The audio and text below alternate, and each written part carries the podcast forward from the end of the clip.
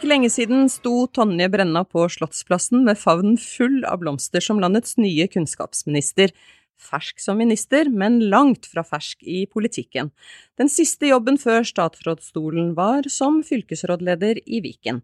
Men nå sitter du her hos oss i lærerrommet. Velkommen hit, Tonje Brenna. Takk skal du ha. Og velkommen eh, til lærerrommet til deg som er lytter også. Navnet mitt er Vigdis Alver.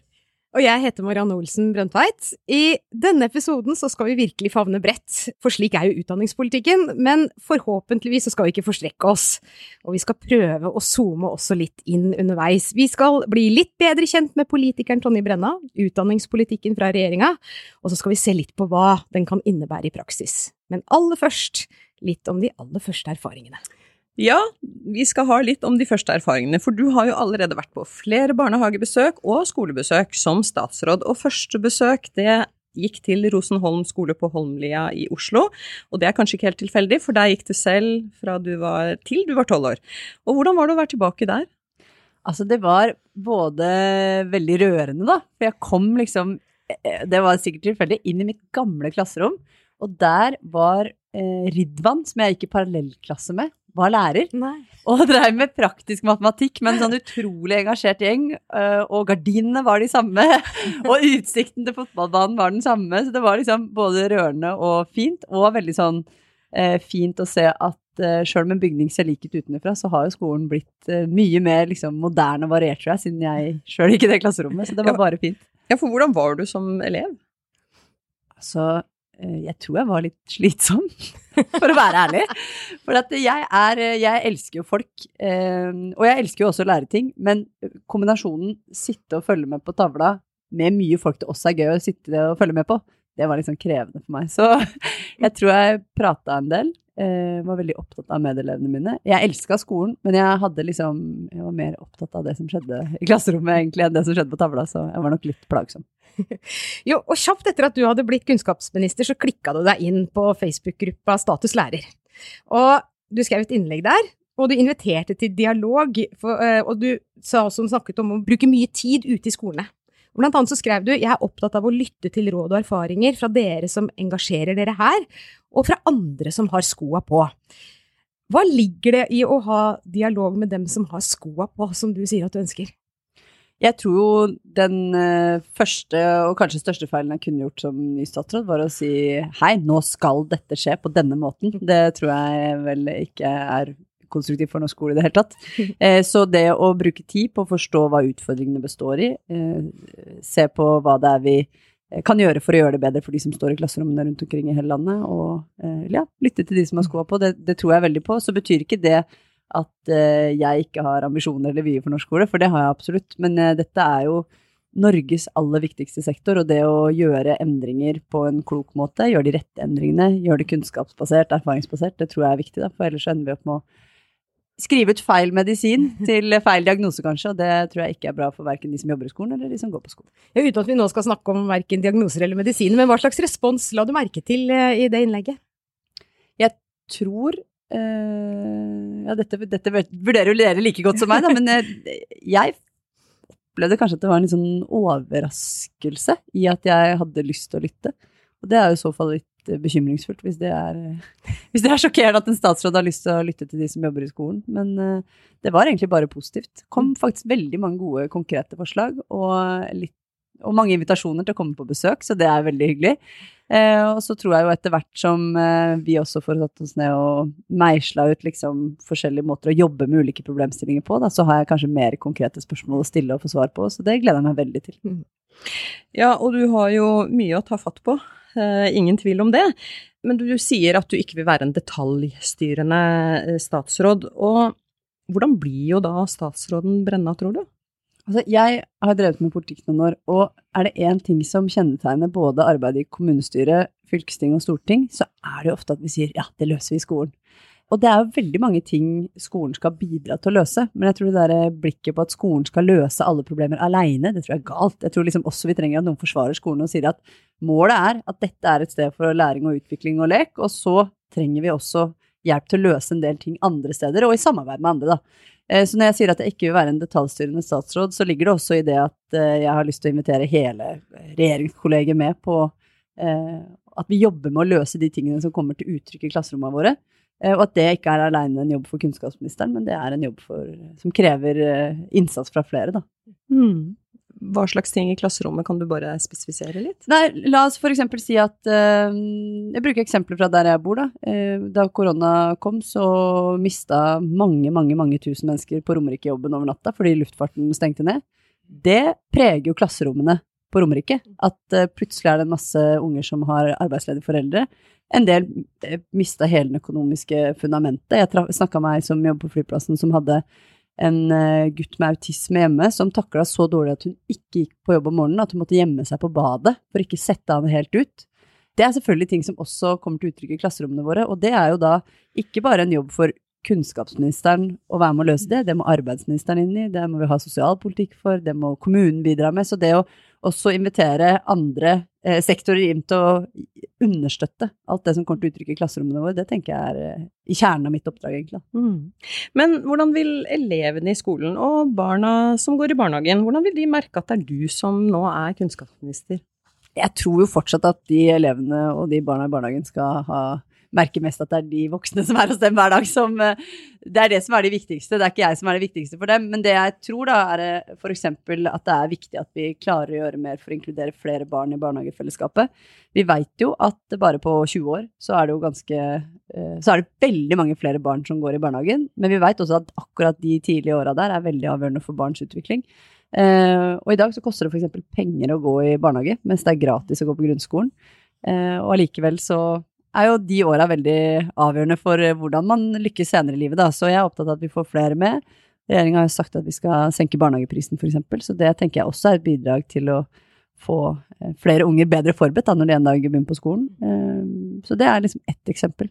Du, du, har jo nevnt at du ikke ønsker å være detaljstyrende statsråd, og du har nevnt noen av utfordringene. Men en utfordring er jo dette tallet som vi har hørt om tidligere, om at 50% av alle lærere har enten vurdert å søke seg vekk fra skolen, eller har konkret søkt andre jobber. Det viste jo en eh, undersøkelse som er gjort av Responsanalyse for Utdanningsforbundet i 2020. Hvilke tanker gjør du deg om hvor prosessen kan begynne for at dette da ikke skal bli en realitet? Mm.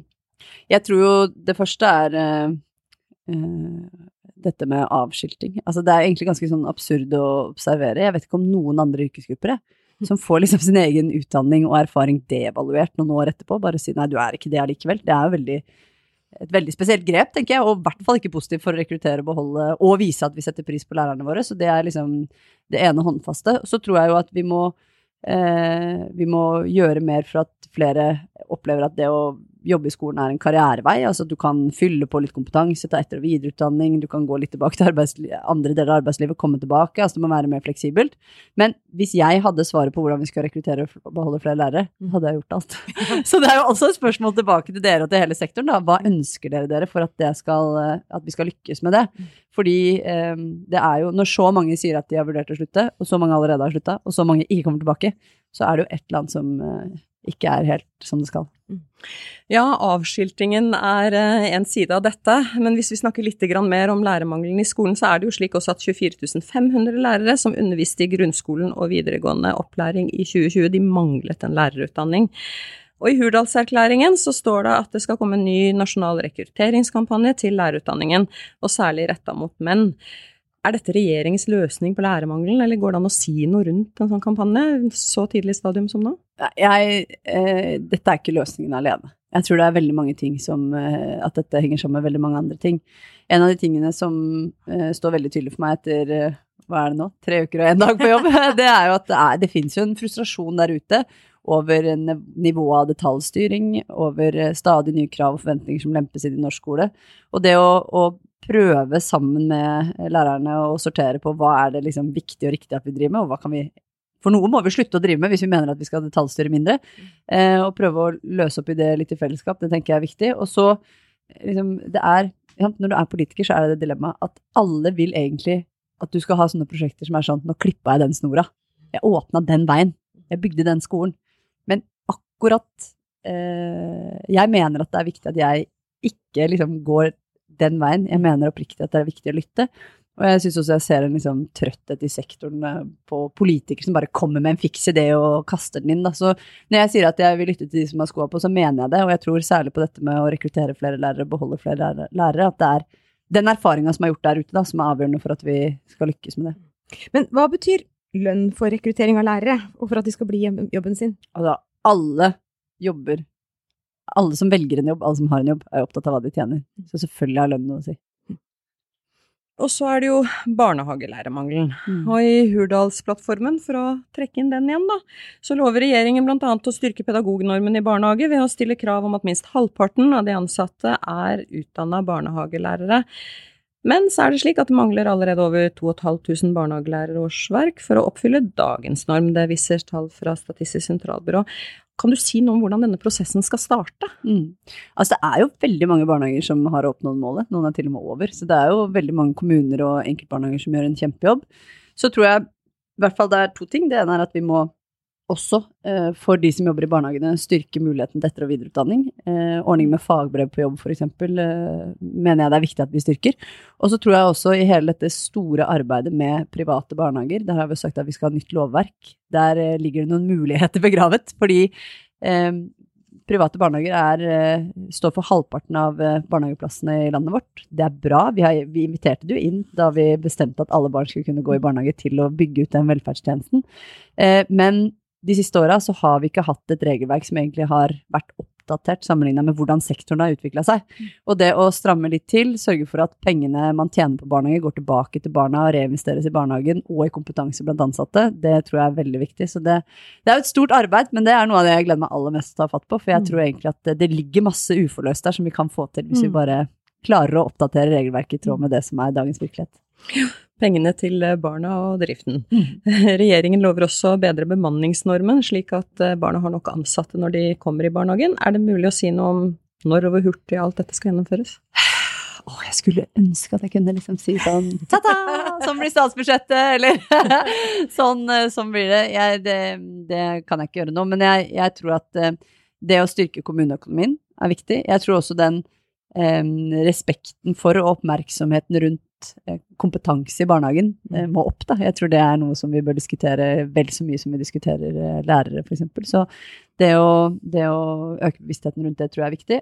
og så igjen, liksom, barnehage er uformelt i dag egentlig en veldig viktig del av utdanningsløpet vårt. Men det har ikke anerkjennelse som det. Det er en tjeneste vi betaler for. Ikke alle går der. Vi vet at de vi aller helst skulle hatt i barnehage, er de som i aller minst grad deltar. Så det å eh, se på barnehage som en fullverdig del av utdanningsløpet, og behandle de deretter både på kompetanse og kvalitet, det tror jeg er viktig.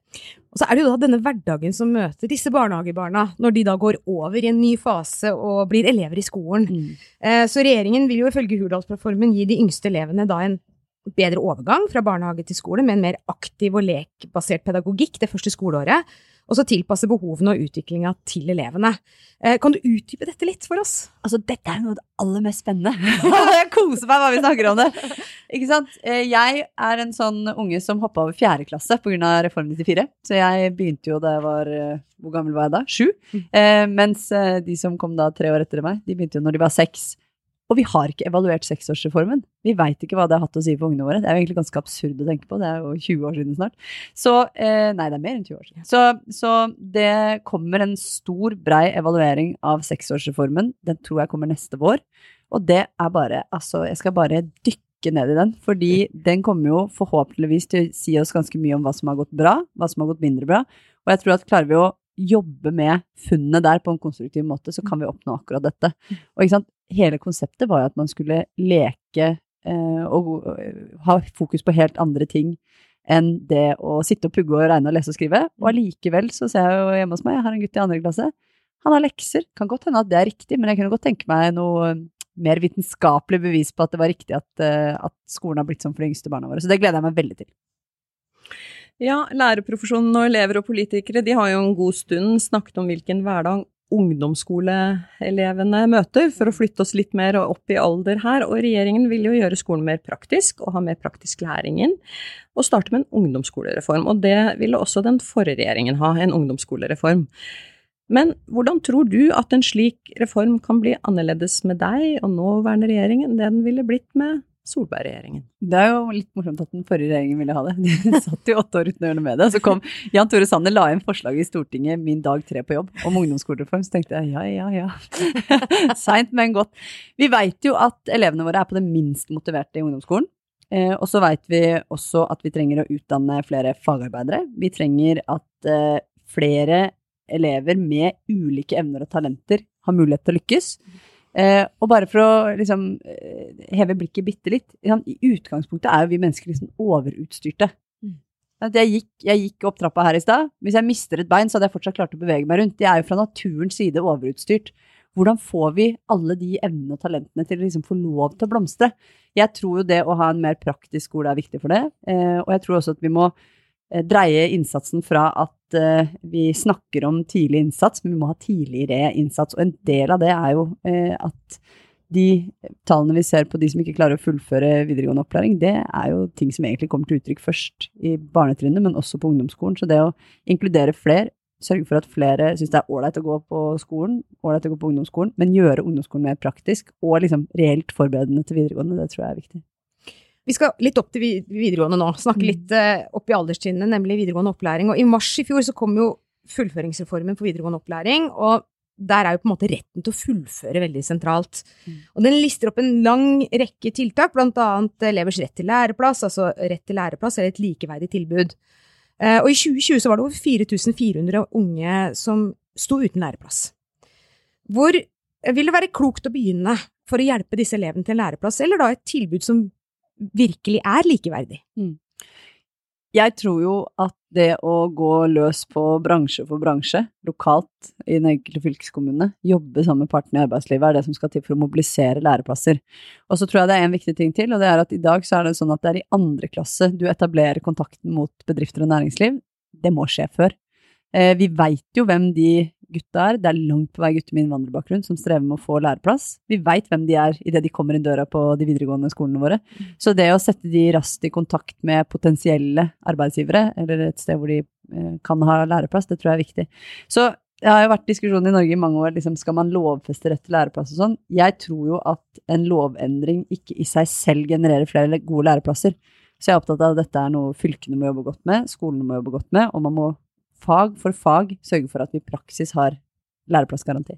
Men det som da er snakk om likeverdig tilbud, som da eventuelt kanskje til og med skal foregå på skolen, Mm. hvordan kan man sikre at uh, dette kan gjøres? Det her er jo nettet å knekke, fordi at uh, den som ikke får læreplass, den skal vi ha et tilbud til. Mm.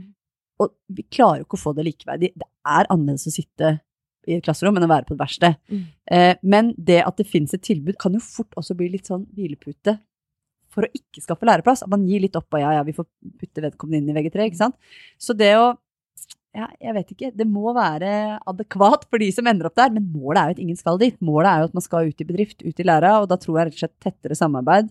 At skolen er tettere på eh, næringsliv og arbeidsliv lokalt, og at partene må involvere seg. Altså jeg skulle ønske liksom LO og NHO løp ned døra på kontoret mitt for å, for å være med og mobilisere læreplasser lokalt, så det håper jeg at de melder seg på og blir med på etter hvert. Da er invitasjonen sendt. Ja.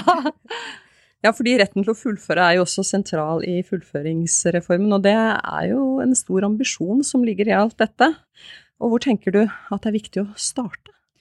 Altså, jeg tenker egentlig nå eh, Den fullføringsreformen som eh, den forrige regjeringa la fram, den har jo egentlig veldig mye godt for seg. Eh, med ambisjon om at flere skal kunne fullføre. Flere får rettigheter. Det er ikke så strenge tidsbegrensninger på når du har rett til videregående opplæring og sånn. Det jeg tenker, er at det bør se på som en kvalifiseringsreform. Først skal vi kvalifisere alle elever inn i videregående. Det betyr at vi må ta noen grep for ungdomsskolen og for læring fram til videregående.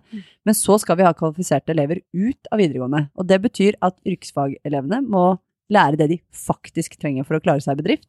Og så er det en ting til, og det er liksom en utvikling som ikke er bare positiv. Det er at elevene som er ferdige på studiespesialiserende, må være reelt studieforberedt. Og der sier jo universitetene og høyskolene nå at de opplever at man ikke At de elevene ikke er helt beredt til å gå inn i den virkeligheten det er i våre høyere utdanningsinstitusjoner. Og det betyr jo at elevene våre ikke er godt nok forberedt sant, til videre studier. Så det å være kvalifisert inn og ut, det tror jeg må være målet. Jeg så at eh, den forrige regjeringa har satt seg som mål at i 2030 så fullfører ni av ti. Og så skal de liksom gi meg pes for at jeg ikke setter et tall. Mitt mål er alle. Og hvis vi har et offentlig utdanningssystem som har alle som målgruppe, og vi er enige om at i dette landet så er det et mål i seg selv at alle har videregående utdanning på en eller annen måte, da må ambisjonen være alle. Det er ikke ni av ti nok, det er målet alle. Men mye av det vi snakker om her, det koster penger, og det koster ressurser. Altså, vi snakker om eh, eh, mye av diskusjonen blant det lærere og ledere nettopp tar for seg, er jo økonomien i sine rammer. Eh, det innebærer jo også at ditt fagfelt er påvirket av andre statsråders ansvarsområder, og du har nevnt også dette tidligere. Men hvordan skal dere i regjeringen jobbe sammen om disse utfordringene som vi har snakket om her, som direkte da berører utdanningssektoren, som f.eks. da økonomiske rammer? Mm. Nei, det, vi får krangle litt internt i regjeringa, det, det, skal vi alltids eh, klare å eh, løse. Men jeg tror eh, punkt én, akkurat det du sier, må jeg også gjøre mine kollegaer bevisst på. Det er et felles ansvar for hele regjeringen å sørge for at vi har et utdanningssystem der folk eh, har mulighet til å lykkes og elevene våre trives. Så tror jeg jo at det å eh, hele tiden ha for øye at kunnskapssektoren er helt unik. Altså vi er den eneste sektoren hvor målet er at alle skal inn. Tenk på helsesektoren. Der er målet at folk skal skrives ut fra sykehus, eh, at de ikke trenger å gå til legen, i barnevernstjenesten så ønsker vi jo egentlig ikke at noen skal dit, for man skal ha det ålreit hjemme, men det er helt unikt.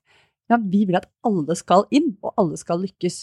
Og det å eh, eh også være med på å fortelle at eh, det blir billigere på sosialbudsjettet hvis folk tar utdanning. Det blir billigere på helsebudsjettet hvis folk tar utdanning. Vi vet at det å eh, ta utdanning er så tett kobla til veldig mange andre parametere for å leve et godt liv. Så det er jo det jeg må snakke høl i huet på kollegaene mine om, da. I lunsjen, i dopausen, overalt. Men helt på tampen av denne episoden, Tonje Brenna, så du har jo snakket mye om å ha tillit til lærere og ledere, og et viktig prosjekt for denne regjeringen er jo en tillitsreform. Mm. Er det mulig å si noe her, veldig kort, om hva som bør med i den, for at det skal lykkes med en tillitsreform i skolen? Det aller viktigste som må med den, er jo at de som skal ha tillit, eh, sier hva de mener, sier hva de trenger. Det er lærerne. Ikke sant? Jeg, I Danmark så gjorde man det samme, man gikk til valg på en tillitsreform, og den var helt tom. Det var ingen innhold i den. Og sosialdemokraten der møtte masse kritikk, men det er jo hele konseptet. Det er det vi har gjort òg. Hvis jeg gikk til valg på en tillitsreform og sa vær så god, her er tillitsreformen, så er det jo ingen tillit i den. Så jeg, eh, vi kommer til å legge opp et eh, opplegg hvor vi inviterer sektoren med på å fortelle hva dere mener at skal til for at vi lykkes med dette. Og så tenker jeg også at i tillit så ligger det også å ha eh, dialog i forbindelse med, de, med avgjørelser vi tar. Um, så om det enten er unntak fra fraværsregler eller det ene med det andre, så er jo det at uh, ting ikke kommer som en overraskelse. At man får alle innvendinger og argumenter opp på bordet, og at vi eh, oppriktig både lytter, men også diskuterer. Ikke bare tar imot beskjeden, men sier ja, nå svarer jeg ja, og sier nei, nå svarer jeg nei. Det tror jeg er viktig. Så det er et arbeid jeg gleder meg veldig til å fatt på, og det eh, må jeg gjøre sammen med flere kollegaer da, i regjeringa, for dette angår jo også helsesektoren og kommunen og veldig mye annet. Men det tror jeg kan bli ordentlig bra tillit, kommunikasjon og dialog. Vi avslutter med tillit i denne episoden. Tusen takk til deg, kunnskapsminister Tonje Brenna, for at du ville være gjesten vår her i lærerrommet. Takk for tilliten til å komme hit. og, og, vi ønsker deg jo masse lykke til i tida framover med alle oppgavene og prosessene som venter på deg. Tusen takk også til deg som hører på Lærerrommet. Husk å abonnere på oss i din podkastkanal, så høres vi igjen om ikke så lenge. Ha det bra! Ha det! Ha det!